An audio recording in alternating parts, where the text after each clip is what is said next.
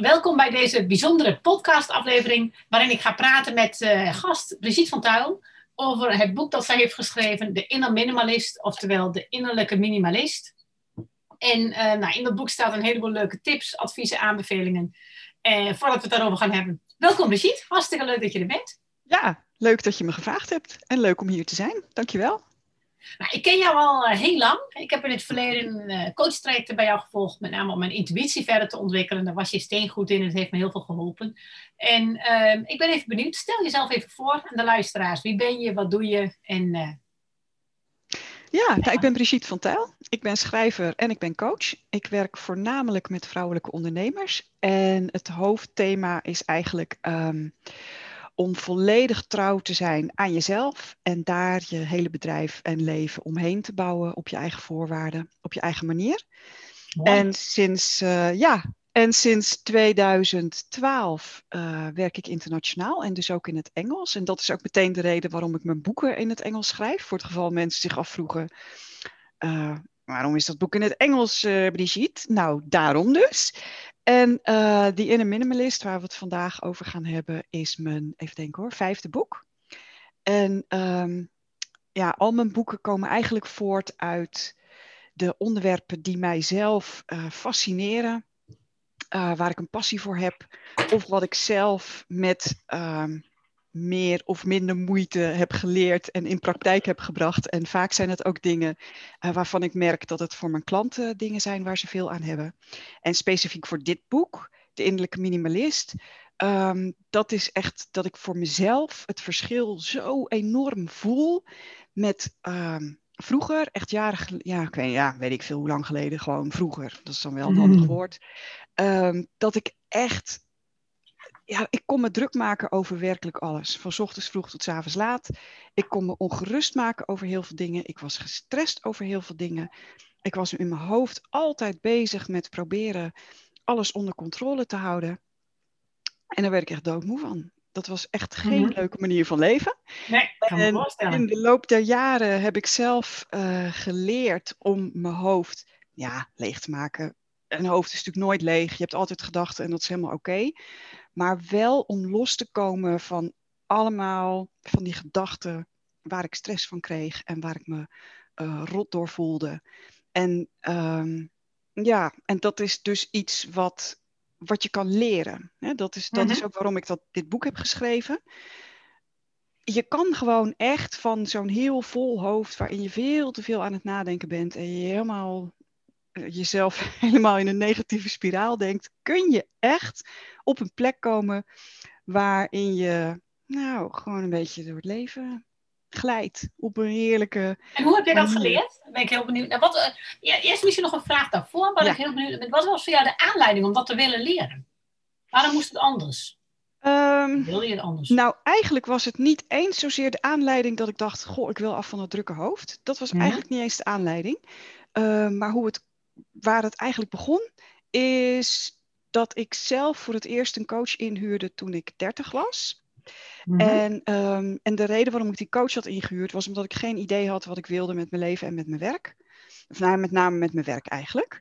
En uh, daar heb ik haar voor ingehuurd. En nou, dat antwoord is ook gekomen. Maar door dat coachingstraject te volgen en zelf gecoacht te worden, leerde ik en begon ik te zien, veel meer dan, dan ik me daarvoor van bewust was, um, hoeveel je gedachten eigenlijk doen. De, hoeveel je, uh, hoezeer je gedachten bepalen hoe je je voelt, wat je doet of wat je juist niet doet. En daar wilde ik meer over weten. En, en wat nou, deden jouw gedachten? Noem eens een concreet voorbeeld. Wat moeten we dan aan denken? Nou, bijvoorbeeld um, mezelf ergens uitdenken. Dus dat ik dan een goed idee had. Dat ik dacht, mm-hmm. oh ja, dit is iets, dit is iets wat ik wil. Nou, maakt niet uit. Gewoon een, een goed idee. En wat ik, wat, waar ik blij van werd. En dacht, jee, dit ga ik doen. En dan meteen pff, kwamen er gedachten overheen. Van ja, maar dat kan toch helemaal niet? En hoe moet oh ja, dat dan? Ja. En wie denk je dan wel niet dat je bent? En hoe maar ga je lastig dat... als ondernemer, ja, als je een goed idee hebt Zo. en dat gebeurt direct. Ja, precies. Dus dat, um, en ook um, om te merken dat ik me bijvoorbeeld gewoon goed en blij voelde of gewoon neutraal. En dat er dan opeens uit het ogenschijnlijke niets kwam er weer een gedachte als, ehm, ja, maar eh, weet je nog, uh, gisteren deed je dit en dat was eigenlijk helemaal niet handig. En oh ja, oh ja, oh ja. En dat ik gewoon echt kon merken dat er dan meteen zo'n trein van allerlei negatieve Mhm. gedachten op gang kwam. Zo. zzzzt. Nou, en voor je het wist, het ene moment voelde ik me nog goed en het volgende moment voelde ik me helemaal niet meer goed. En het enige wat was veranderd, waren mijn gedachten. Oh ja, ja, Niks. interessant. Verder niks. Dus dat, ehm, eh, ja, dat begon ik gewoon te zien. En nou, de uitkomst van mijn eigen loopbaantraject, zo honderdduizend jaar geleden, toen ik niet wist wat ik wilde, was dat ik zelf coach wilde worden. Dus toen ben ik een coachopleiding gaan volgen. En toen ben ik daar ja, logischerwijs meer over gaan leren. En eigenlijk sinds die tijd, en we hebben het nu over in totaal 23 jaar geleden. Eigenlijk sinds die tijd is dat een blijvende fascinatie van me ehm, gebleven. En eerst richtte ik me vooral op dingen als mindset, dus echt heel erg je gedachten. Mhm. Van wat doen je gedachten dan en hoe kan je je gedachten veranderen of ombuigen en, en angsten en wat kun je daar allemaal mee. Hè? Dus, dus dat was vooral allemaal op het gebied van mindset. Nou, dat is ook waar de helft van het boek over gaat. Uh, maar gaandeweg kwam ik ook steeds meer erachter. Zo van ja, maar dat is maar een deel van het verhaal. Het andere deel van het verhaal is dat je ook vanuit het zielsniveau en vanuit je intuïtie leeft.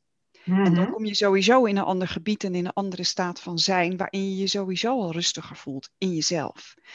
En dat gebied, daar ben ik me ook steeds meer in gaan eh, verdiepen en over gaan leren en mee oefenen. En uiteindelijk is, zijn die twee dingen samen zijn in dit boek gekomen. En ik denk dat dat ook iets is, voor zover ik weet, hè, misschien zijn er wel 12 miljard boeken die heel erg lijken op de Inner Minimalist. Ik heb geen idee, want ik doe niet aan marktonderzoek. Ik schrijf gewoon wat ik voel dat ik wil schrijven.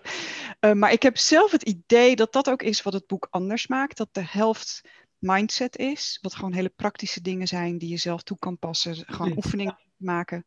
En de andere helft is, ja, hoe moet je dat dan zo noemen? Soulset is misschien al wel een leuk woord. Dat gaat heel erg over dat zielsniveau. Uh, want voor mij gaat het om die twee dingen samen. En ik denk dat je vaak ziet dat mensen zich of richten op het mindsetstuk. En dan is het wat praktischer en wat aardser. Of zich meer richten op dat zielstuk. En dan is het vaak wat zweveriger. Of, nou, en ik probeer het allebei zo praktisch mogelijk te maken. Ja, voor zover absoluut. het gaat. Ja. Um, maar ik, in mijn, ja, naar mijn mening heb je ook allebei die dingen nodig. En dat zielstuk en het mindset. Met alleen mindset Ja. kom je er niet. En even, wat bedoel jij met het zielstuk? Want dat, dat woord wordt natuurlijk veel gebruikt. En daar hebben we Ja. allerlei ideeën bij allemaal. Wat bedoel jij daar ongeveer mee? Nou, wat ik daarmee bedoel is dat ik leef vanuit de overtuiging dat ik en iedereen, dat je veel meer bent dan alleen maar mens. Maar dat je een ziel bent met een menselijke ervaring. En wie jij echt bent, is dus veel meer en veel groter dan alleen maar, nou, hallo, ik ben Brigitte en ik schrijf en ik coach. Weet je, dat is, Mhm. dat is een deeltje van wie ik ben. En dat is vooral ook een deel van wat ik doe en een deel van mijn persoonlijkheid en mijn identiteit. En natuurlijk ben ik dat, maar ik ben, net als iedereen, veel meer dan dat. En als je je dat realiseert, als je je realiseert, ik ben een ziel, ik ben een onderdeel van het universum, het leven, van alles wat er is. Sommige mensen noemen het God, noem het hoe je het wilt noemen. En ik ben een deeltje daarvan dat nu tot expressie komt in dit lichaam Brigitte. Zodra je je dat realiseert, dan realiseer je je ook je verbondenheid met het grote geheel, met het leven, het universum, de aarde, alle andere mensen. Mhm. En dan, uh, dan realiseer je je ook dat je veel krachtiger bent dan je eigenlijk denkt. Dat je toegang hebt tot veel meer informatie en wijsheid dan je eigenlijk denkt. Dat is waar intuïtie om de hoek komt kijken. En dat is ook het gebied als je dit je realiseert, dan kom je ook in contact met de kalmte en de rust en de stilte die je altijd bij je draagt. Ook als er van alles in, aan de hand is in je leven of onder al die drukke gedachten in je hoofd, daaronder zit rust Mhm. en kalmte. Mhm. En die rust en kalmte, dat is dat gebied waar je je realiseert, Ja, maar ik ben zoveel meer dan alleen maar ziel. En dit is een hele mooie quote van Marianne Williamson. En ik ga die quote nu echt gruwelijk verpesten. Want ik kan hem me in het Engels al niet eens precies herinneren. Laat staan in het Nederlands. Maar die gaat zoiets als... Ehm, ja, je kunt natuurlijk zelf proberen je hele leven te regelen en alles in, je eentje voor elkaar te krijgen. Of je kunt het overlaten aan het universum, of hoe je het ook wilt noemen, diezelfde kracht die aardes en planeten creëert en ervoor zorgt dat de sterren aan de hemel staan en dat de zon elke dag opkomt. Het is jouw keuze. Ga je met jezelf zitten ploeteren of tap je in op dat veld van ongekende mogelijkheden wat onder alle leven ligt. En hoe doe jij dat als ondernemer? Dat intappen op dat veld van alle mogelijkheden. Dan ga je, ga je dan wat je ochtends wakker. En dan? Ga je dan niks doen en een beetje zitten kijken wat het grote veld met jou wil? Of hoe werkt dat voor jou? Ehm, nou, eigenlijk een beetje wel, ja. Ja, ik uh, plan helemaal niks. Ehm, ja, ik maak natuurlijk wel afspraken, net zoals nu. Hè. Wij hebben hier de afspraak om nu hier te zijn voor de podcast. Ik heb vanochtend wel iets gepland. En, dan, uh, en dat, dat was gewoon gepland. En dan ben ik ook gewoon netjes op tijd. En, um, en dat vind ik superleuk. En daar ben ik. Dus absoluut. Maar buiten dit soort afspraken om, um, laat ik me leiden door wat ik van binnenuit voel dat voor mij klopt om te doen. Oké. En um, nou ja, dat kun je noemen dat ik helemaal op intuïtie leef. Uh, je kunt het noemen dat ik met de flow meega.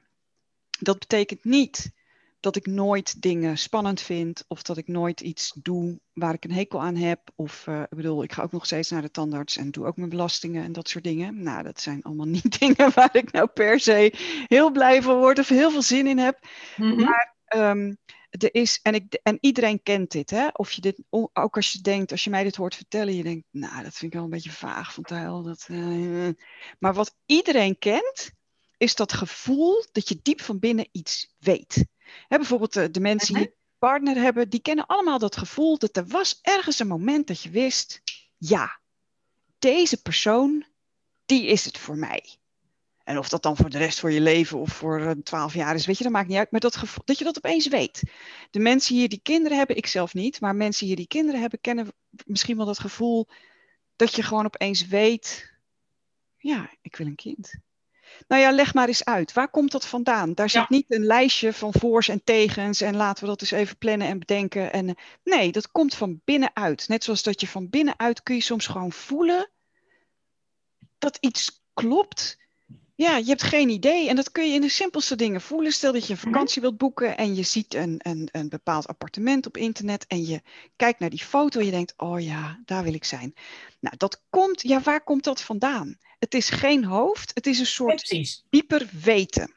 Dieper weten, toegang tot die wijsheid. En voor precies. jou heeft dat te maken met ziel. Dat is Absoluut. wat jij bedoelt met het zielstuk. Dat is wat ik bedoel met het zielstuk. Dat is ook wat ik bedoel met je intuïtie volgen. En mm -hmm. dat is het gebied van waaruit ik leef en ook mijn praktische acties doe. Ook de, mijn marketingdingen doe ik uit dat gebied en mijn boeken schrijven doe ik uit dat gebied. Maar ik combineer het wel ook met, en dat is wel grappig, daar had ik het pas ook met iemand over. Want waarom schrijf ik een boek? Omdat ik van binnenuit voel, dat is wat ik wil, dat is wat bij mij past, dat is mm -hmm. wat ik te doen heb. Waarom schrijf ik het boek Die in een Minimalist? Omdat ik voel, dit is wat ik nu wil zeggen. Vervolgens ga ik niet wachten tot ik inspiratie krijg. Dan kan ik misschien nog wel 80 jaar wachten. Hmm, herken wij, ja. Maar ja, maar dan ga ik elke dag zitten om te schrijven. En mensen zeggen dan wel eens, van, ja, maar hoe kun je dat dan rijmen met dat je op intuïtie leeft en dat je dingen op de flow doet? Als je tegelijkertijd zegt, ja, maar elke dag ga ik wel dan een half uur zitten om te schrijven. Nou, dat komt omdat sommige dingen zijn gewoon praktisch. Net als dat je, als je iets wilt eten, ja, uh, op zijn minst moet je even opstaan naar de keuken lopen en, en een boterham smeren of zo, weet je wel? Of je bestelt iets, dan moet je de telefoon pakken en het bestellen en ook even de deur open doen als ze het komen bezorgen. Er is altijd een element van actie. En zolang datgene waar je die actie voor neemt, zolang dat iets is waar jij helemaal achter staat en wat je gewoon van binnenuit wilt, ja, die actie is dan eigenlijk alleen nog maar het doen. Dat valt dan eigenlijk bijna ja, vanzelf ja. op zijn plek. En soms heb ik wel zin om te schrijven en soms niet. Maar het is belangrijk voor me dat mijn boek er komt. En dus ga ik elke dag zitten om te Dus schrijven. ook als je geen zin hebt, ga je toch schrijven. En dat past voor Ja. jou wel bij. Ik leef in de Ja. flow en ehm Ja. leiden door wat ik van binnenuit voel. Want dan connect je met een hoger doel, namelijk ik wil dat dat boek er komt en ik wil deze Ja. boodschap vertellen. En dat overroelt dan het gevoel van, ah, ik heb nu meer zin om voor de tv te hangen. Absoluut. Hey, en ehm, nou, ik denk dat, dat dat hele stuk ziel, hè, wat bedoel je daarmee? Hoe zit dat? dat? Dat je bent veel meer dan alleen hè, eh, coach en schrijver. Je bent een deeltje van het geheel dat nu tot expressie komt. Ja. Wat heeft dat met eh, innerlijk minimalisme te maken? Dat als je je realiseert dat dat is wat je echt bent, geeft heel veel rust. En dan valt heel veel gedoe in je hoofd, valt dan, valt dan gewoon weg. Ik denk dat dat ook iets is wat iedereen wel kent. Iedereen kent denk ik wel het gevoel dat je, dat je ziet iets, bijvoorbeeld, of je hoort, misschien, sommige mensen hebben het als ze hele mooie muziek horen. Iemand anders kan het hebben, misschien als je naar een hele mooie zonsondergang kijkt. Je kan het misschien hebben als je naar je huisdier kijkt, waar je heel erg van houdt. Of dat je een andere geliefde, dat je daarnaar kijkt. Of als je aan het wandelen bent in de natuur. Of je bent iets aan het doen waar je in opgaat. Dat je even kan je zo'n gevoel hebben dat alles klopt. Jij bent op de juiste plaats. Alles is precies hoe het moet zijn. Mhm. En je voelt in jezelf, is het gewoon kalm. Is het gewoon kalm. Iedereen kent dit soort gevoelens en dit soort momenten. En het, wat er dan gebeurt, is dat je dus ja, je hoofd, alle drukte in je hoofd, houdt eigenlijk als vanzelf op, omdat iets groters dan dat neemt het over. En dat kan zijn de schoonheid van de natuur, dat kan zijn liefde. Iets dat groter is dan jij. Ja, het neemt over, dat is dan. Maar dat is wat dan op de voorgrond staat. En dan valt die drukte in je hoofd. En wat je denkt dat je allemaal nog moet doen. En dat je boodschappenlijstje nog niet af is, of weet ik veel. Dat valt dan weg. Je zit niet naar een mooie zonsondergang te kijken en dan zo helemaal kalm. Dan ben je niet tegelijkertijd je boodschappenlijstje aan het maken of aan het bedenken wie je nog terug moet bellen. Dat gaat niet samen. Nou, dat is, dat is hoe, het, ehm, hoe het helpt om je hoofd leeg te maken. En hoe meer je jezelf verbindt met dat stuk in jezelf, want het is een stuk in jezelf, die kalmte die is daar al. Dat Mhm. gevoel, alles is goed, is daar al. Dat gevoel wordt niet veroorzaakt doordat jij mooie muziek luistert. Nee, de mooie muziek raakt dat gevoel wat al in jou is aan. Mhm. En ehm, hoe meer je dat gebied heel bewust voedt en opzoekt, hoe rustiger het in je hoofd wordt. Dus om terug te komen op jouw vraag, hoe ziet dat er dan uit? Jij begint je dag, ga je dan eerst eens even, nou, lekker in stilte. Ja, voor mij ziet het er inderdaad zo uit dat ik eerst in stilte de ruimte neem om contact te maken met mezelf. Met wat ik eigenlijk, hoe, hoe, hoe zit ik erbij? Hoe voel ik me? Wat gaat er in mij om? En door alleen al dat te doen, door eerst naar binnen te gaan, voordat je naar buiten gaat, hè, als je iemand gaat bellen of je gaat een actie doen, dat, dat, dat noem ik naar buiten gaan. De meeste mensen die worden wakker en die gaan meteen naar buiten. Of in hun hoofd gaan ze meteen Mhm. doornemen, wat moet er vandaag gebeuren? Wat moet ik niet vergeten? Wie moet ik bellen? Wat moet ik doen? Ladidadidadida. En dan gaan ze koffie zetten, douchen, de kinderen brood naar binnen douwen, weet ik veel. Wat mensen allemaal doen op een ochtend. Gewoon de gewone mensen, dingen die iedereen doet. Maar dat is meteen doen, doen, doen. En dan hup je mail en je klanten en dit. En, en dan heb je, als je dat doet, dan ben je de hele dag gehaast. Dan leef je vanuit je hoofd. Ja. Alles wordt geregeerd door je denken. Maar als je alleen al 's ochtends even de ruimte neemt. Of je dat, en dat kan je ook doen tijdens het koffiezetten of tijdens het douchen. Weet je, het hoeft nog niet eens tijd te kosten. Om gewoon even een paar keer heel diep adem te halen. En te voelen, oeh, oké. Wat voel ik eigenlijk? En gewoon zijn en voelen. En daar ontstaat, zeker als je dat oefent, ontstaat daar vanzelf een soort stilte. En in die stilte komt vanzelf naar boven dat wat voor jou handig is om die dag te doen. Ehm, dat wat jouw aandacht vraagt, dat, dat borrelt dan vanzelf naar boven. Daarom krijg je ook vaak je beste ideeën onder de douche, weet je? Dan ben je vaak niet aan het denken, je bent gewoon lekker aan het douchen. En dan ontstaat er dus ruimte in je hoofd voor ideeën, voor inspiratie, voor het antwoord op de vraag waar je al een tijdje mee rondliep. Dus eigenlijk is het zo simpel als dat. Gewoon jezelf de ruimte gunnen om even een stapje terug, voordat je in al je drukke doe-dingen schiet, gewoon even voelen. Wat jij zegt, wat je met de innerlijke minimalist doet met het boek, je hebt eigenlijk een, plei, je, je hebt een pleidooi voor het zielsniveau en mindset, hè, voor beide delen. Ja, beide dingen. Want, want daarmee um, maak je verbinding met dat, eh, dat stuk in jezelf wat er al is. Ja. Hè, dat, dat wat groter is dan jij, dat stuk wat het kan overnemen, of wat, wat jouw intuïtie en tips kan geven. En wat jij in het boek doet, is dat met uh, allerlei tips en adviezen geef help je mensen om dat gebied te voeden. Ja. Om, om dat stuk, hè, dat zielsniveau te voeden, zodat dat een bewust deel van je leven is, van je werk, van je bedrijf, als je dat hebt. Ja, ja. en om je hoofd leger te maken en om los te kunnen komen van al die negatieve gedachten die we allemaal hebben. Ja, uh, het is misschien ja. een beetje een kip-ei verhaal, maar ja. ik, ik, zit te denken van aan de ene kant zeg je dan, hé, hey, als, als je verbindt met dat grotere stuk, dan neemt dat het over en dan valt er een heleboel vanzelf weg. Ja. Aan de andere kant zeg je, ja, nee, um, al dat denken, al die drukte, uh, neem nou rust en dan krijgt dat zielsniveau meer ruimte. Ja. Um, is er in jou misschien een onnodige vraag, maar in jouw perspectief één van de twee het belangrijkst? Ja, het zielstuk.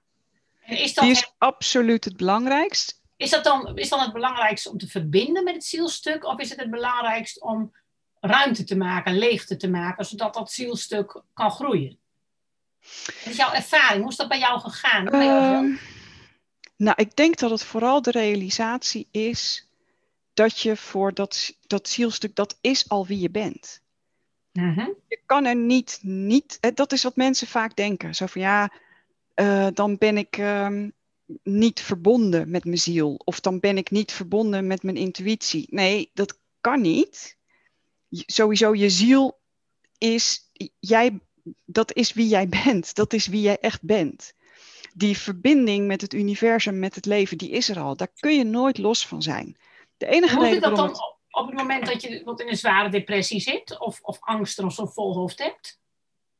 Dan ben je, voelt het toch alsof je die verbinding kwijt bent. Absoluut, absoluut. Maar dat gebeurt dan dus door wat er in je hoofd gebeurt. En dan heb, ga ik het even niet hebben over... Want ja, dat, dus dat je die verbinding kwijt bent, is eigenlijk het grote misverstand. Want ja, die is precies. Er precies, het is er gewoon.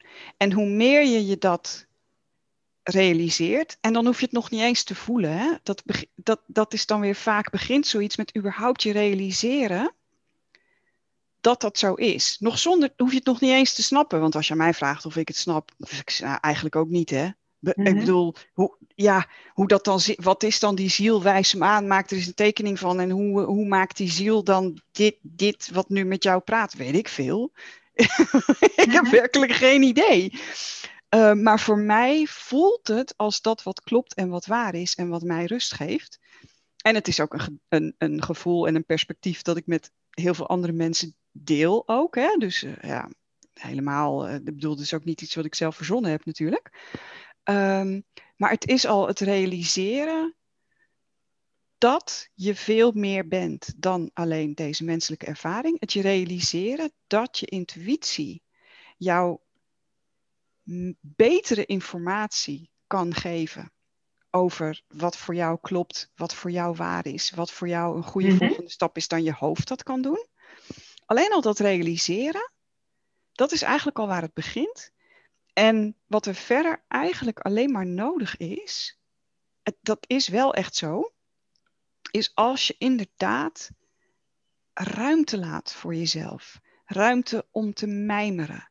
Ruimte om even niets te doen, maar gewoon te zijn. En de een vindt die ruimte door in een dagboek te schrijven, bijvoorbeeld. Hè? Dat is voor mij heel erg wat helpt. De ander mm-hmm. vindt die ruimte door te tuinieren. Weer een ander vindt die ruimte door te zingen. Weer een ander door yoga te doen. Maakt niet uit. Iedereen heeft iets waardoor je een soort kalmte in jezelf terugvindt. Ja. En als je dat consequent ruimte en aandacht geeft, ja, dan, ja, zo simpel is het toch echt. Alleen in de praktijk is het moeilijk, kan het lastig zijn om te doen. Dan komt vanzelf naar boven wat voor jou klopt, wat voor jou waar is. En dan word je vanzelf, word je ook rustiger. Het probleem is alleen de meeste mensen willen weten, ja maar hoe dan? De meeste mensen willen een stappenplan, die willen een handvat, die willen mhm. gewoon praktischer dingen om te doen. En dat is eigenlijk de enige reden waarom dat mindset stuk überhaupt in het boek staat. Dat is om mensen die handvatten te geven, want om die kalmte ook te creëren door iets te doen. Hè? Want mensen willen vaak zo, willen zo graag iets doen. En die willen weten hoe. Nou, dan heb je hele concrete tips waar je wat mee, dan kan je wat doen en dat is praktisch en dat is concreet. En het werkt ook, alleen het is niet het belangrijkste. Maar het staat in het boek omdat het voor veel mensen de makkelijkste toegang of ingang is om je hoofd leger te maken. Ja, en ik merk ook dat met dit soort dingen is het mijn, mijn denkhoofd vindt het wel fijn om te weten dat er iets groters is. Ja. En als mijn denkhoofd dat weet en begrijpt, dan kan het daar ook wat ruimte voor maken. Ja. En dus het is een soort van opvoeden van mijn kleine ik, die dan wat ruimte kan maken voor grote ik. Ja, oh, dat is mooi gezegd. Ja. En daarbij helpt inderdaad het mindset stuk en de, de tips die je daarbij geeft, helpen enorm. Ja, absoluut. Een andere vraag. Als ik jou zo hoor, je praat heel enthousiast en je bent energiek. En ik heb dat ook altijd. Dus ik mediteer ook en ik lees natuurlijk ook heel veel over rust. Maar ik merk ook dat voor mij is eigenlijk um, goede voeding voor mijn ziel belangrijker dan rust. En mhm. als ik mijn ziel op de goede manier voed, met, hè, dat is ook met goede fysieke voeding, ja. daglicht, buitenlucht, inspiratie. Ik ben net even naar een museum geweest. Ehm, dan begint het bij, van mij, bij mij van binnen altijd helemaal te borrelen. Ja. En dan heb ik zoveel ideeën en plannen, maar die hoeven ook niet allemaal. En het is ook niet dat ik dan als perfectionist bovenop zit van dit moet of dat moet. Maar het is als, en wat je net zei, van je hoofd is een kermis. Nou, mijn hoofd kan absoluut een kermis zijn. Maar mhm. mijn hoofd is altijd wel een hele vrolijke kermis. Waar ik heerlijk, waar allemaal leuke dingen gebeuren. Helemaal niet vervelend. Ja. En ik heb dus ook het gevoel van hoe meer ik connectie met mijn ziel heb, hoe vrolijker die kermis is. En hoe, hoe sneller het reuzenrad soms wel rond lijkt te gaan. Maar dat gaat letterlijk op lichtsnelheid. En dat voelt toch wel als heel erg verbonden met ziel. Het voelt niet als ja. geboden drukte. En wat is jouw ervaring daarin? In zielsconnectie en drukte in plaats van rust. Kan dat ook? Of is het dan toch iets anders? Nee, dat, dat kan absoluut. En dat heeft, denk ik heel, dat heeft denk ik heel erg te maken met het type persoonlijkheid dat je hebt. Mhm. Mijn persoonlijkheid is heel erg ehm, ik ben bijvoorbeeld lui ook. Ik vind het heerlijk om echt niks te doen. Vind ik heerlijk. Heb ik altijd al gehad. Geniet ik intens van. je hebt de mensen die worden blij. Uh, dat zijn types die hebben zoiets. Nou, kom op jongens, wat zullen we eens uh, voor leuks gaan doen vandaag? Zo, hè? Nou, er zijn mensen die dat hebben en die worden daar intens gelukkig van. Dat is wat hun ziel voedt. Nou, dat voedt mijn ziel helemaal niet. Alleen al van de woorden, wat zullen we eens gaan doen? Denk ik, ach, Oh god, nee toch, geen mensen. Laat mij alsjeblieft met rust. Ik, echt, geef me een boek, zet me op de bank, doe er een pot thee naast. En ik ben intens gelukkig. Dat is wat mij gelukkig maakt. Dus dat heeft heel erg, dat is vooral een stuk persoonlijkheid. Wat jouw persoonlijke voorkeur is. En dat kun je heel goed bij jezelf zien. Hè? Want sommige mensen die kunnen heel erg wegdrijven van hun persoonlijkheid. Doordat dat door hun mhm. omgeving ingeperkt wordt. Of nou ja, hè, dat kan gewoon zo gebeuren. Uh, maar als je terugkijkt naar hoe je als kind was, de dingen waar je als kind van genoot en blij van werd, daar kun je vaak wel aan zien wat is nou jouw natuurlijke, um, waar, waar wat, wat is nou wat jij van nature, waar je naartoe getrokken wordt, waar je blij van wordt? Nou, bij mij is dat, ik word van nature getrokken naar lezen, naar een beetje naar de. Ja, ik weet nog als kind vond ik dat heerlijk. Dan, in de zomervakantie bijvoorbeeld. En we woonden in een huis en daarachter was nog een weiland. En daar ging dan na de zomervakantie zou daar gebouwd worden, een nieuwbouwwijk. Maar die zomervakantie was er nog weiland. En dat werd ook niet gemaaid, want ja, er ging toch gebouwd worden over een paar weken. En ik denk dat ik vijf was, zes hooguit. En nee, geen zes, want toen kon ik lezen en was ik alleen maar boeken aan het lezen. Dus dan was ik vijf. En dan ging ik ochtends, ging ik uh, met mijn korte broekje, hup, dan stak ik zo uh, over. Ik liep dat weiland in, ik ging op mijn rug liggen in dat hoge gras. Nou ja, ik was natuurlijk een klein vijf, dus dat gras dat was hoger dan ik, zeker als ik op mijn rug lag. En lag ik een beetje naar de lucht te kijken, zag ik de wolken gaan. En dan op een gegeven moment hoorde ik mijn moeder roepen eten. Nou, dan had ik al de hele ochtend uh, daar in dat gras gelegen. En smiddags ging ik het weer doen. Die, je kon mij, dat, dat deed ik gewoon uit mezelf. Daar werd ik heel zielsgelukkig van. Ja, en iemand anders die wordt gelukkig van uh, met andere kindjes spelen en uh, in de boom klimmen en weet ik veel. Nou, dat had ik allemaal niet. Dus het heeft veel meer daarmee te maken met wat is nou waar jij van nature je toe geroepen voelt. Ja, en dat kan dus ook van nature druk zijn. Ja, inderdaad. ik kreeg als kindje al van Sinterklaas te horen dat ik zo druk was. Dus dat zat er dan blijkbaar Ja, precies, precies. En, um, en uiteindelijk is natuurlijk het enige wat belangrijk is, ben je gelukkig? Met wie je bent, met wat je doet in dit moment. Ben je daar en ik herken ook wel het in de natuur zijn. Hè. Ik kan ook intens gelukkig zijn in de natuur, ook alleen. Hè, naar een vogelhut hier in de buurt. En dan kan ik heerlijk een uur naar de vogeltjes zitten staren. Zonder plannen of moeten, of, maar gewoon zijn. Uh, dus dat ook wel, het lezen. Hè, eindeloos boeken lezen, heerlijk. Maar inderdaad, die, die dingen voelen echt als voeding voor mijn ziel. Ja. En ik merk ook sinds ik dat concept gebruik, van hey, dit is voeding voor mijn ziel kan mijn denkhoofd, mijn kleine ik het ook beter plaatsen. Van, oh ja, dit heeft geen zin voor het geld of voor de carrière of voor aanzien of status of om andere mensen te helpen. Ook allemaal niet. Maar dit is voeding voor mijn ziel. En dat is, ja, nut klinkt wel zo zwaar, maar ehm, daarom is dit heel belangrijk. En dat is ook waarom dit zo, zo fijn voelt. En nu zijn die dingen ook opeens niet meer nutteloos. Ze zijn een soort van, ja, net als gewoon lunch is ook niet nutteloos. Dat is voeding voor je lichaam. En ja, heeft mijn ziel ook voeding nodig. En als ik daarop let, welke voeding mijn ziel graag wil, is dat eigenlijk best heel divers. Want dat is en rust, en aanspraak, en mentale inspiratie, en fysieke uitdagingen. Met boomstammetjes slepen in het bos, bij de boswachter, heerlijk. Ja. Uh, maar net zo goed lekker prutsen op mijn drumstel om een ingewikkeld stukje onder de knie te krijgen. Ja. Hè, dus dat voelt allemaal wel als voeding voor de ziel. Nou, dat, dat is het ook. Dat is het ook. Dat zijn allemaal dingen die jou blij maken, waar jij gelukkig van wordt. Ja, ja eigenlijk, ja, alles waar je gelukkig van wordt, is voeding voor je ziel. Wat ik dan ook merk, is aan de ene kant, het is een hele leuke, leuke tegenstelling. Want aan de ene kant wil je dan een minimalist zijn in de zin van, um, je doet de dingen die ertoe doen. En die voor jou goed voelen. En de andere dingen hoeven veel minder. ik heb dat ook ervaren, het valt dan ook gewoon van je af. Het, ja. Maar dan, dan, dan, niet dat je daar dan mee stopt of bewust afstand van neemt, maar het hoeft gewoon niet meer. Ja.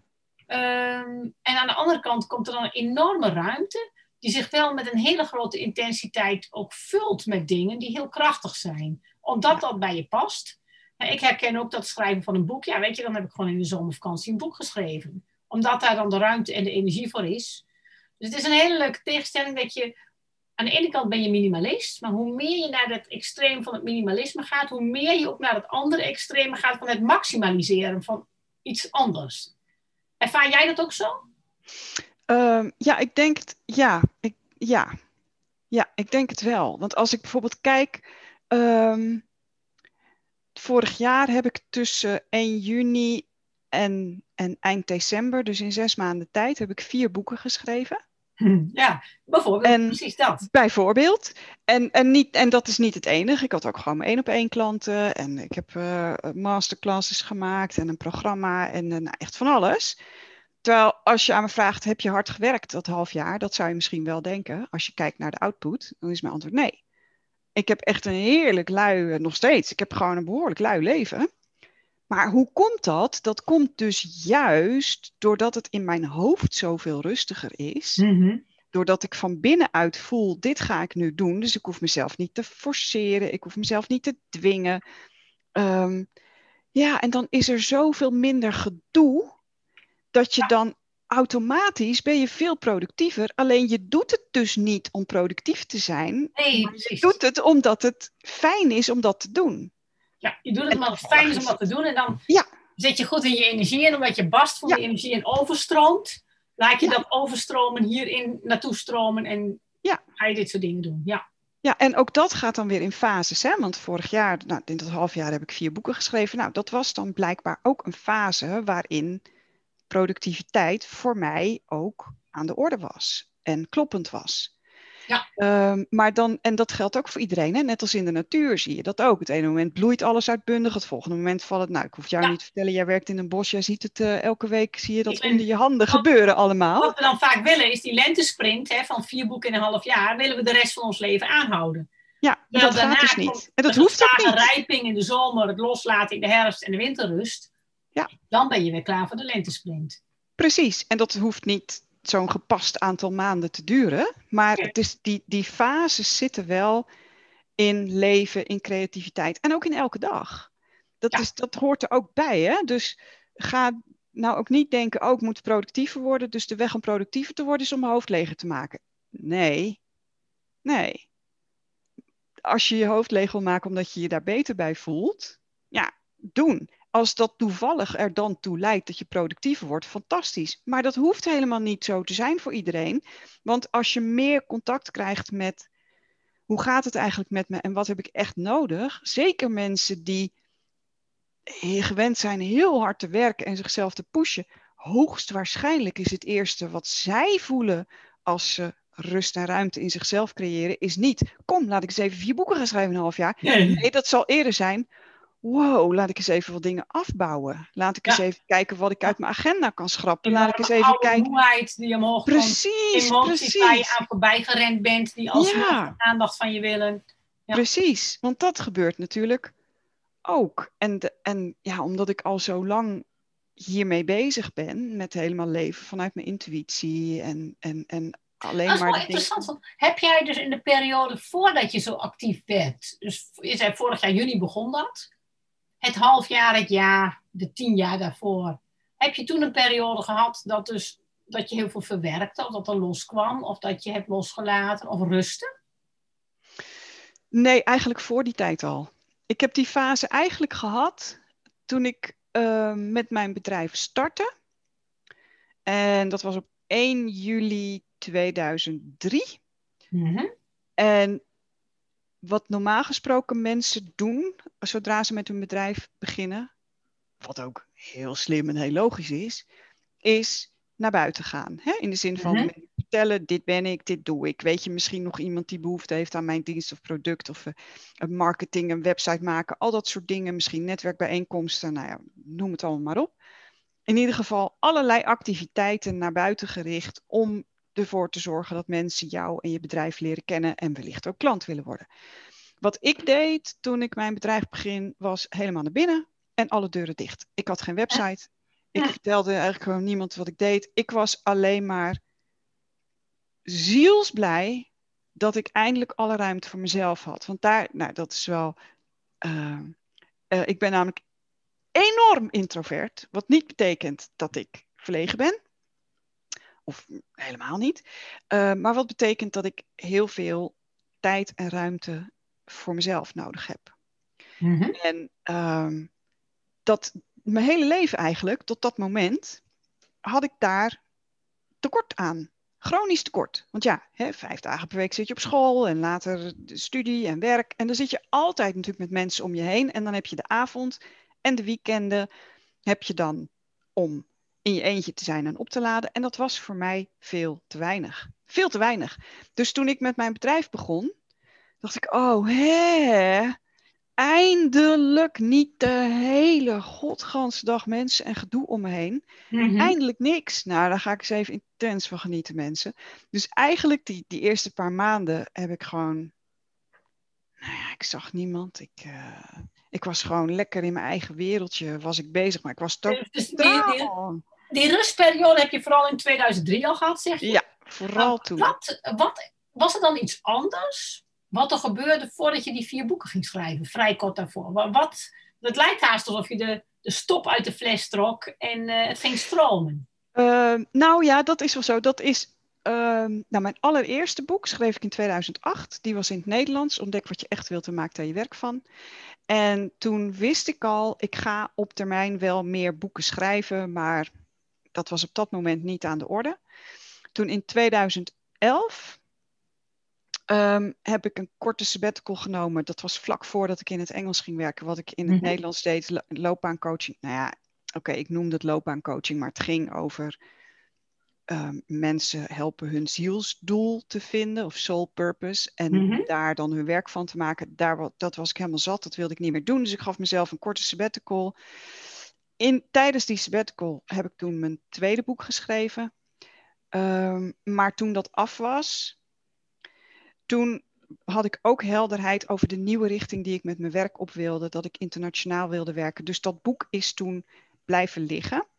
Dat had op dat moment geen prioriteit om dat uit te geven. Maar in de negen jaar daarna heb ik zo'n beetje elk jaar heb ik een nieuwe versie van dat boek geschreven. Want dan pakte ik dat boek erbij. Hè? En de eerste keer pakte ik het erbij en dacht ik, ja, wacht even, dit boek is heel erg gericht op mijn vorige doelgroep. Ik heb nu een nieuwe doelgroep, dus het klopt niet meer. Herschreven. Nou, het jaar daarop keek Maar is er, is er dan, voordat je die vier boeken ging schrijven, iets gebeurd waardoor je dacht van, hé, hey, maar nu heb ik zo'n connectie met mijn ziel, nu kunnen die boeken er ineens uit? Of is dat niet zo helder aan te wijzen? Nee.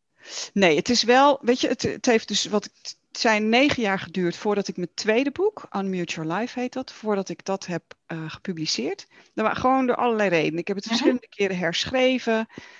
En er waren ook nog dingen in mezelf die ik uit te werken had, dingen die ik te leren had, dingen die ik te doorleven had. En ik kon gewoon voelen, want ik heb toen verschillende keren gevoeld, want de ideeën voor nieuwe boeken bleven zich maar opstapelen. Nog steeds, hè? ik heb iets van Oké. 16 ideeën voor boeken. Nou, dus misschien En is het dan wel gewoon dat je dat tweede boek af had. En dat Moest er gewoon uit. Ja. Maar dat wist ik al die tijd, hè? Want ik heb tijdens die negen jaar heb ik ook ehm, verschillende keren dacht ik, ja, ik heb zoveel ideeën voor andere boeken. Waarom ga ik niet een ander boek schrijven als deze nu niet wil? Ik kon gewoon voelen, Mhm. niet de bedoeling. Deze moet eerst. En wat ik ook voelde, dat wist ik al, zodra deze eruit is, dan stromen de rest van die boeken er echt achter elkaar uit. En dat Mhm. is ook hoe het is gegaan. Ook wel, hè, dan kom je weer op dat punt. Ik, dit wist ik dus al. Ik wist al, dat is wat gaat gebeuren. Mhm. En ik wist al, eerst moet dat boek eruit, dan kunnen die anderen. Maar dan gaat het nog steeds ook niet vanzelf. Weet je, want ik heb toen wel degelijk heel bewust besloten. Oké, dit boek is nu. eh, ehm, nou, dat was toen eh, begin juni of zo. Toen had ik dat boek gestuurd naar de boekdesigner. Dus voor mij was er op dat moment niks te doen aan het boek. En toen heb ik heel bewust de keuze gemaakt. Oké, dan ga ik nu beginnen met mijn volgende boek. Nou, uiteindelijk ben ik toen met twee boeken tegelijk begonnen. Maar dat heb ik ook heel bewust gedaan, omdat ik ehm, ergens was ik ook bang om met het volgende boek te beginnen. Ik dacht, ja, jemig mensen, ik heb echt geen zin om er weer negen jaar mee Nee, bezig te zijn. Weet je, ja. doei, dat gaan we niet nog een keer doen. En daardoor vond ik het ook spannend om met een volgend boek te beginnen. Maar omdat ik voelde dat het klopte, ben ik het gewoon gaan doen. En, en die eerste drie weken vond ik er echt helemaal niks aan. Ging ik elke dag een half uur zitten om het te schrijven. En dacht ik, oh nee. En dan stelde ik het uit, weet je. En soms ging ik pas om acht uur s'avonds zitten. En dan dacht ik, nou, morgen eerder op de dag hoor. Dan ben ik er tenminste maar vanaf. Nou, en dat duurde ongeveer drie weken. Dat ik mezelf echt zo moest dwingen. En toen kwam ik in een soort flow. En toen begon ik het leuk te vinden. Nou, en ja, en zodoende zijn al die andere boeken eruit gerold. En nog steeds, ik, ik ben nog steeds, eh, het volgende boek is al klaar, ook helemaal geëdit. En eh, dus ja, die ligt klaar op de plank om uit te geven. En die daarna, daar is bijna de, het manuscript van klaar. En die daarna, die staat al te trappelen om geschreven te worden. Dus voorlopig ga ik zo Ja, nog even door. Zo. Ja. Hey, nog een vraag over het, het ehm, minimalisme. Kijk, als je Ja. uiterlijk minimalist bent, dan ga je bijvoorbeeld je huis opruimen. Ja. Dan ga je kijken van deze dingen, maakt dit me blij of niet? Hè? Neem ik je afstand van of hou ik dit? Ja. Ehm, dan ga je, uiterlijk minimalisme is meer terug naar de essentie. Hè? Wat maakt me blij, wat maakt me niet blij? En daar stop ik dan mee. Wat Ja. doe je als innerlijk minimalist? Waar doe je dan minder van? Waar stop je dan mee? Eigenlijk is het hetzelfde. eh, waar je mee stopt. Ik, ik schrijf dat ook in mijn boek. Hè? Zo van, eh, ja, Mhm. ehm, misschien kennen mensen Marie Kondo wel. Zij is zo'n eh, opruim, eh, Japanse Mhm. opruimgoeroe. En eh, zij heeft dan ehm, als leidraad, als je dus inderdaad je huis op gaat ruimen, als je daar spullen weg wilt doen. een van de leidraden die zij dan heeft, is dat je dan een voorwerp bekijkt of oppakt, wat het ook is. En zij zegt dan, if it doesn't spark joy, it needs Precies. to go. Ja. En feitelijk doe je hetzelfde met je gedachten. if it doesn't spark, als een bepaalde gedachte, if it doesn't spark joy, it needs to go. Nou, en hoe je dat dan opruimt en hoe je dat dan, hè, nou oké, daar zijn allerlei dingen voor die ik ook in dat boek beschrijf, maar feitelijk is dat de essentie van innerlijk, innerlijk minimalisme, dat die dingen Mhm. waar je ongelukkig van wordt, nou, en voor een deel zit dat in je gedachten, dat je die, dat je daarmee ja, ophoudt. Ja, makkelijker gezegd dan gedaan, maar goed, dat is dan waar het boek over gaat, hoe je dat doet. Ja. Maar dat is eigenlijk wel de essentie. En waar, waar, wat dan vanzelf ook in het kielzog meegaat, want je gaat daardoor ook steeds meer contact maken met, ja, wat is voor mij nou wezenlijk belangrijk?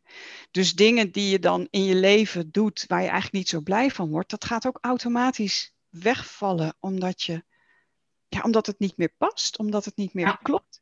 En wat jij ook zei, hè, van voeding voor je ziel, van al die dingen die voeding voor je ziel zijn, als je ook je ziel meer gaat voeden, gaat ook automatisch gaan dingen wegvallen die je nu nog doet waar je eigenlijk niet blij van wordt. Hè? Misschien Ja, kijk je nu wel twaalf keer per dag het journaal, terwijl je er eigenlijk alleen maar eh, beroerd van wordt. En misschien ga je dan terug naar nog maar één keer per dag het journaal kijken. En de rest van die tijd lees je een mooi boek of ga je wandelen of ga je met je kinderen spelen. Dat is mijn, eh, mijn vervolgvraag. Zeg maar, van, als uiterlijk minimalist ruim je op, doe je dingen weg. Krijg je een leger huis. Maar ontdek je vaak ook dat je met minder geld toe kunt. Dat je minder hoeft te werken. Dat je meer tijd houdt om te besteden aan dingen die jij leuk vindt. Hè? Familie, vrienden, die reis maken waarvan je altijd dacht dat die nu nog niet kon. Ja. Hoe zit dat als innerlijk minimalist? Waar ga je dan meer van doen? Waar krijg je meer van? Waar je meer van krijgt is innerlijke vrijheid, Hmm. plezier in dingen. Mhm. En eh, dat je eh, meer en meer contact maakt met wat voor jou, en dat is heel persoonlijk, dat is voor ieder mens anders, maar wat voor jou de essentie is van wat jou gelukkig maakt in het leven. En voor de een is dat eh, dat je meer tijd met familie en vrienden doorbrengt. Voor de ander is dat dat je vaker muziek maakt. Voor weer een ander is misschien om te gaan schilderen. Weer een ander gooit misschien het roer om in carrière of bedrijf.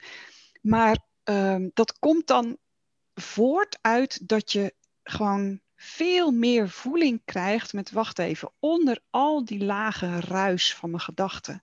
En onder al die dingen, onder alles wie ik denk dat ik ben of hoe ik denk dat het hoort. Over al die Mhm. gedachten over mezelf en, en wat ik dacht dat belangrijk was. Zodra je daarin gaat schiften en in gaat opruimen, dan kom je dus op, ja, wat is nou echt wezenlijk belangrijk? En dat kan niemand anders jou vertellen, want dat En heb weet je alleen daar jij. voorbeelden van? Dat je denkt van, hé, hey, ik ben hier al heel lang, je zegt van, ik ben hier al heel lang mee bezig en in 2010 deed ik al dingen.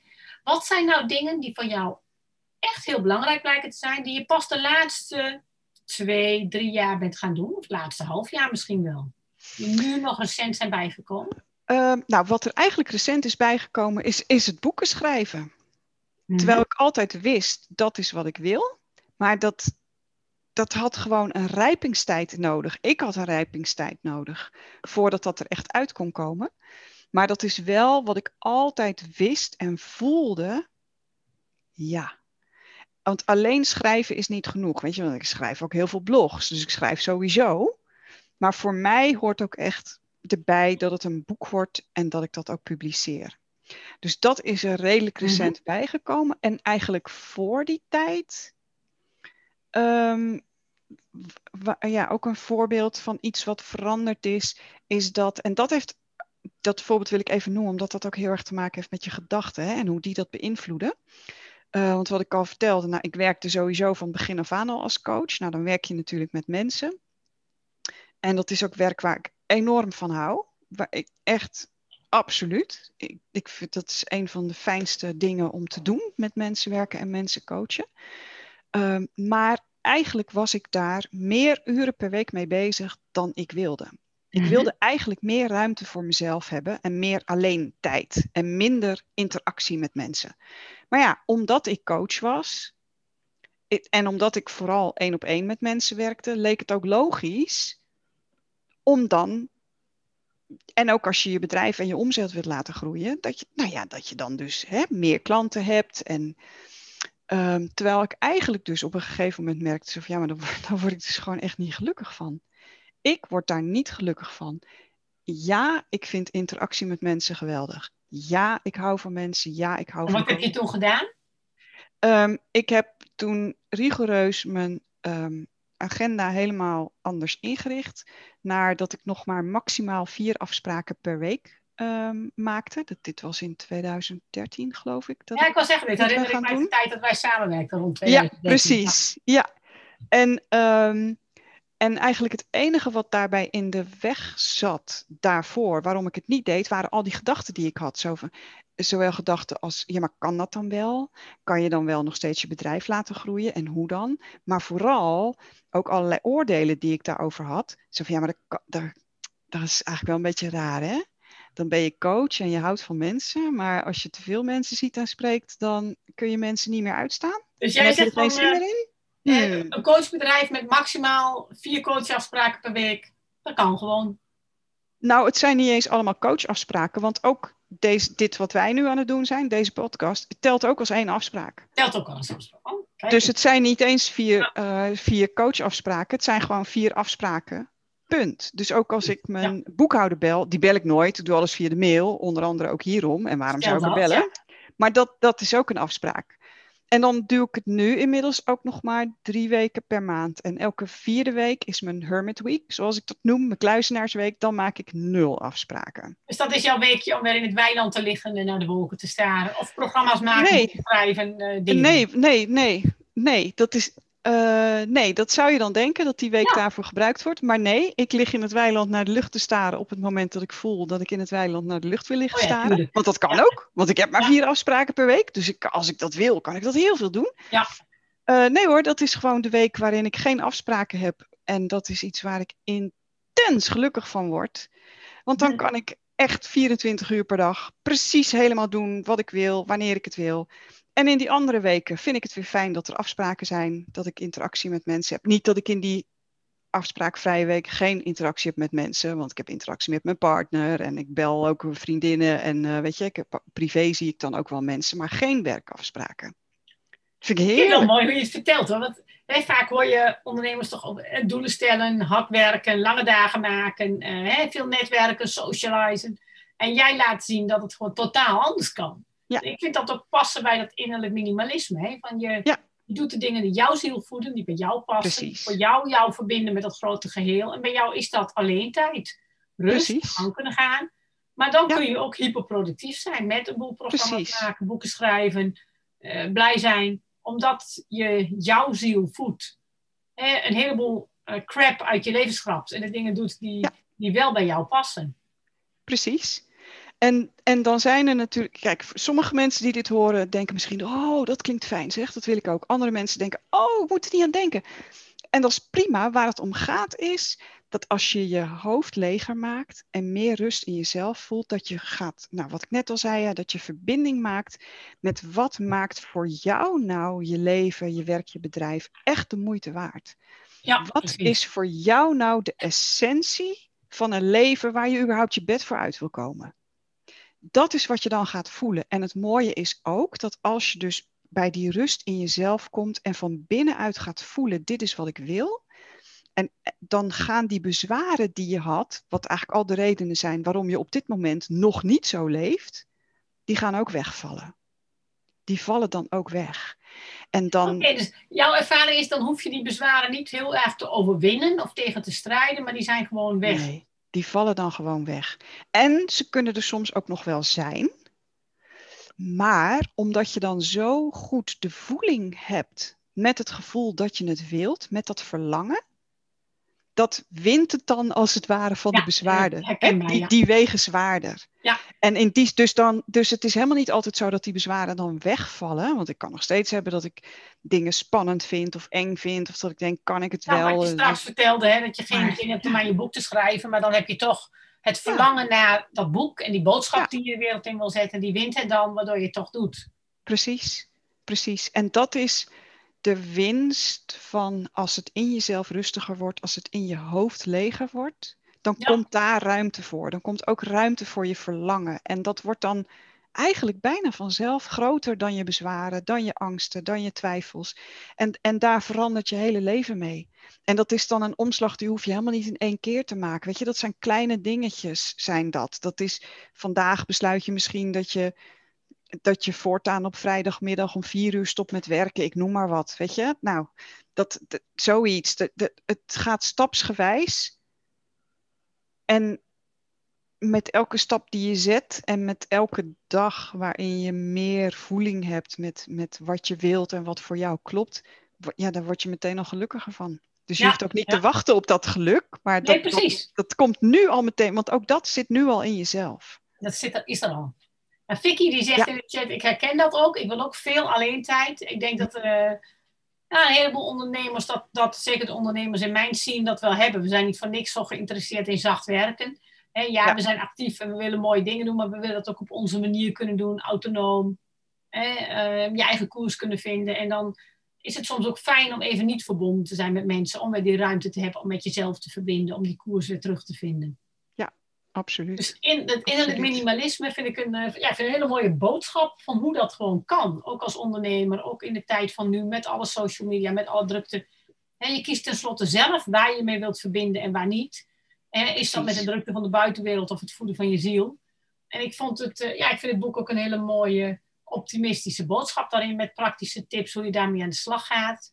Um, en als ik wil nog, mag ik er nog één ding aan toevoegen? Van de podcast ben ik dus nog benieuwd. Van, heb je nog oh, één ding wat je wilt toevoegen? Juist, inderdaad wil ik nog één ding toevoegen. Want nu kun je misschien als luisteraar de indruk hebben dat je die innerlijke rust dus alleen gaat vinden als je minder dingen gaat doen. Als je zorgt voor minder drukte in je agenda bijvoorbeeld. Dat is niet waar je kunt die rust in jezelf vinden, ook met een volle agenda. Helemaal eens. Dat, uh, want als jij, het maakt namelijk nogal verschil of je je overgeeft aan dat wat je nu op dit moment aan het doen bent. En daar en verder gewoon je verder nergens mee bezig bent. Of dat je je dingen doet terwijl het in je hoofd één drukt is van... oh, nou, de podcast is bijna klaar. Uh, nou, dan moet ik daarna even boodschappen doen. Nee, daar ben ik gewoon niet mee bezig nu. Ik ben nu gewoon hier met jou in gesprek. Aandacht in het hier en nu. Aandacht in het hier en nu. Dus dan heb je je dingen te doen die je doet. En dan kan het op papier misschien druk lijken.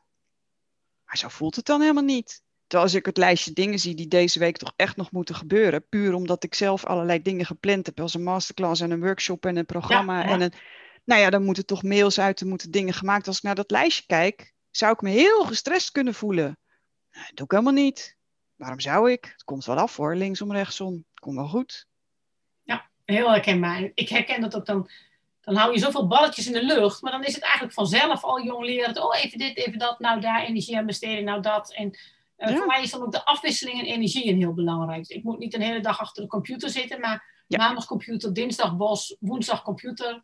Uh, deel van de dag bewegen, um, deel schrijven, deel tekenen, deel muziek. Al die verschillende energieën kunnen heel goed naast elkaar. En dat, het is haast een weefsel waarin niet één draadje kan ontbreken. Juist al die verschillende draadjes zijn nodig om het heel stevig te maken, het geheel. Ja. En ook heel makkelijk en levend. En dan ja, dan lijkt je eigen leven ook wel wat op een levend bos. Daar staat ook vaak niet één type boom, maar er groeit van alles door elkaar heen en dat versterkt elkaar. En ik denk dat dat in een bedrijf ook zo kan zijn. Hè? Dat je moet zoeken naar een bedrijf en een leven met, wat jouw eigen ecosysteem wordt, met de dingetjes die elkaar versterken. En dat kan soms wel veel diverser zijn dan we denken. Ja. En juist heel monomaan één ding willen doen, omdat je dan rust moet hebben, dat kan ook wel voor enorme erosie van je brein zorgen en daardoor de uitputting. Ja, absoluut. Absoluut. Ja, mooi. Goede toevoeging. Dus het hoeft niet één ding te zijn, maar je bent wel met je aandacht bij één ding. Ja. En dat is, dat is het belangrijk. En juist dat je zo goed... Absoluut. Dan heb je weer die mooie tegenstelling. Dat je heel goed met je aandacht in één ding zit. Heb je dan de ruimte om heel veel dingen achter elkaar of na elkaar of bij elkaar te doen. Hè, om steeds aandacht aan te geven. Omdat die aandacht dan ook steeds fris is en niet versnipperd. Ja, precies. En omdat het dingen zijn waar je voor kiest om de aandacht aan te geven. Ja. ja. En niet omdat het zou moeten of omdat een ander je dat opdraagt. Of nee, dat is jouw keuze. Ja, ik wil dat, niet ik moet dat. Precies, precies. Dat is ook een wezenlijk verschil. Mooi. Nou, ik vind het een uh, mooi boodschap. Een mooi boek. Uh, ik, en voor de luisteraars, het boek is alleen in het Engels beschikbaar. De Inner Minimalist. Maar ik kan zeggen, nou, het is niet heel ingewikkeld Engels. Het is goed te lezen. veel, ehm, zoals ze dat noemen, Japans Engels. Dus dat is Engels wat ook voor niet-native Engelse mensen goed te begrijpen is. In tegenstelling tot het soms het native Engels, waarbij hele moeilijke woorden gebruikt worden door de, door de Engelsen en de Amerikaanse. Dus uh, ook als je niet heel sterk bent in Engels, gewoon gaan lezen dat boek. En uh, in elk geval super dat je in, in deze podcast er van alles over wilde vertellen. Uh, ik denk dat het heel goed past bij het thema van deze podcastserie, Zaak van Energie. energie, ruimte, ziel. Ruimte maken voor de dingen die jou energie geven. En daardoor Ehm, ja, lijkt het soms dat je minder doet. En tegelijkertijd kom je eigenlijk aan veel meer toe wat er voor jou toe doet. Ja, absoluut. Nou, dankjewel. dankjewel.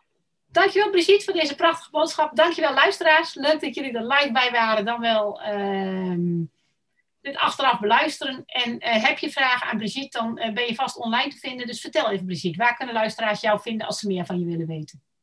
Uh, dan kunnen ze gaan, nou het makkelijkste is om gewoon naar mijn website te gaan.